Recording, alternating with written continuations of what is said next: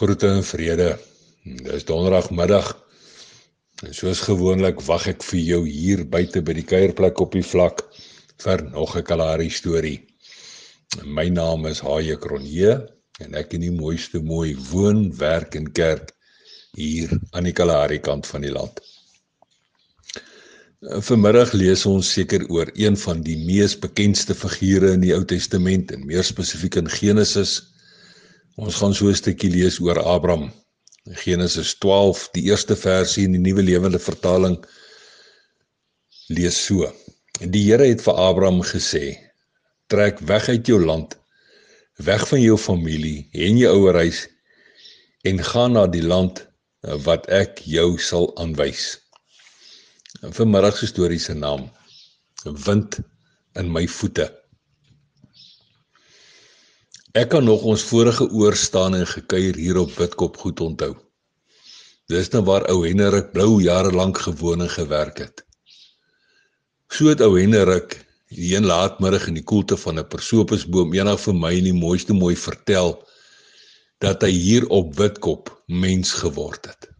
'n Klompie jare daarna gaan hy met 'n breë glimlag voort, het 'n nagwind vir Anna hier Witkop toe aangewaai. Sy was jonk en mooi en het die vriendelikste glimlag gehad. Dit was daardie glimlag wat gemaak het dat hy nie anders kon as om met sawwe oë na haar te kyk nie.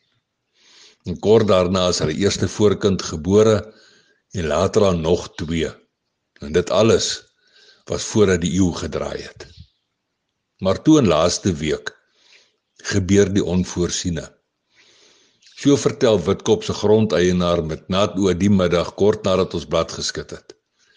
Ou Henrik en Anna is nie meer op die plaas nie. Die Kalahari boerling het een oggend net na sonop kom vra of oubaas ook gisterand se nagwind gehoor het.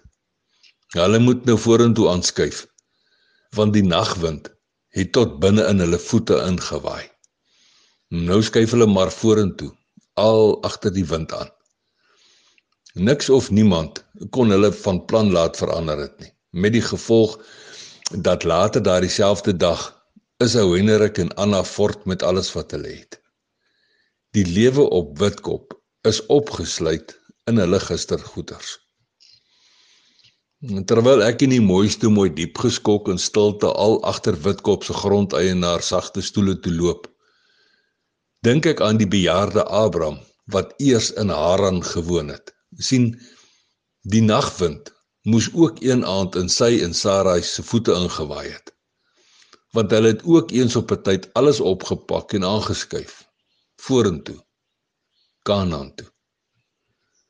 My naam is nie ou Hendrik of Abraham nie. En ek is verseker nie deel van die 'n vat jy goed en trek verrere familie nie.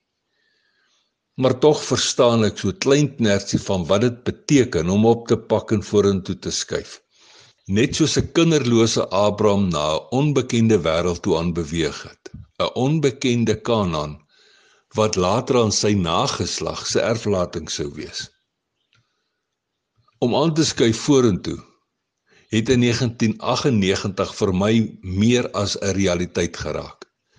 Dit was op daardie spesifieke dag toe sy geeswind in my voete ingewaai het. Daardie dag het ek besef dat ek nie sonder hom kan oorleef nie. My beste pogings is nie goed genoeg nie. En daarom het ek hom nodig. Ek het hom nodig in alles en met alles. Daardie dag met sy geeswind in my voete het ek besluit ek skuif nes Abraham en nou ook ou Henrik vorentoe. Aanskuif vorentoe beteken nie dat ons alles moet oppak en aanskuif na 'n onbekende plek toe nie. Nee, nee.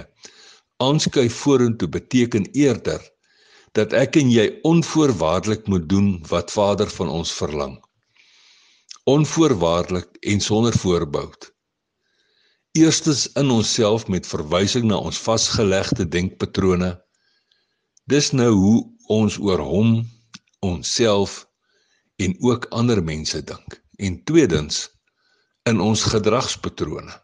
Dit is nou hoe ons teenoor hom, onsself en ander mense optree. Jy ken my by my naam, En so sal jy van my moontlik onthou wanneer ek jou eendag agterlaat vir my finale skuif vorentoe. Maar diep in my hart is ek 'n Abraham wat eers Abraham was, die een wat alles gelos het omrede die geeswind van God in sy voete ingewaai het. Dit is hoe jy my moet onthou. En jy? Is jy ook 'n Abraham wat eers 'n Abraham was? die een met die geeswind in sy voete. Onthou, dit is hoe ek jou wil onthou. En nou ja toe. Tot 'n volgende keer. Los mooi spore en sandkorrel by seëninge.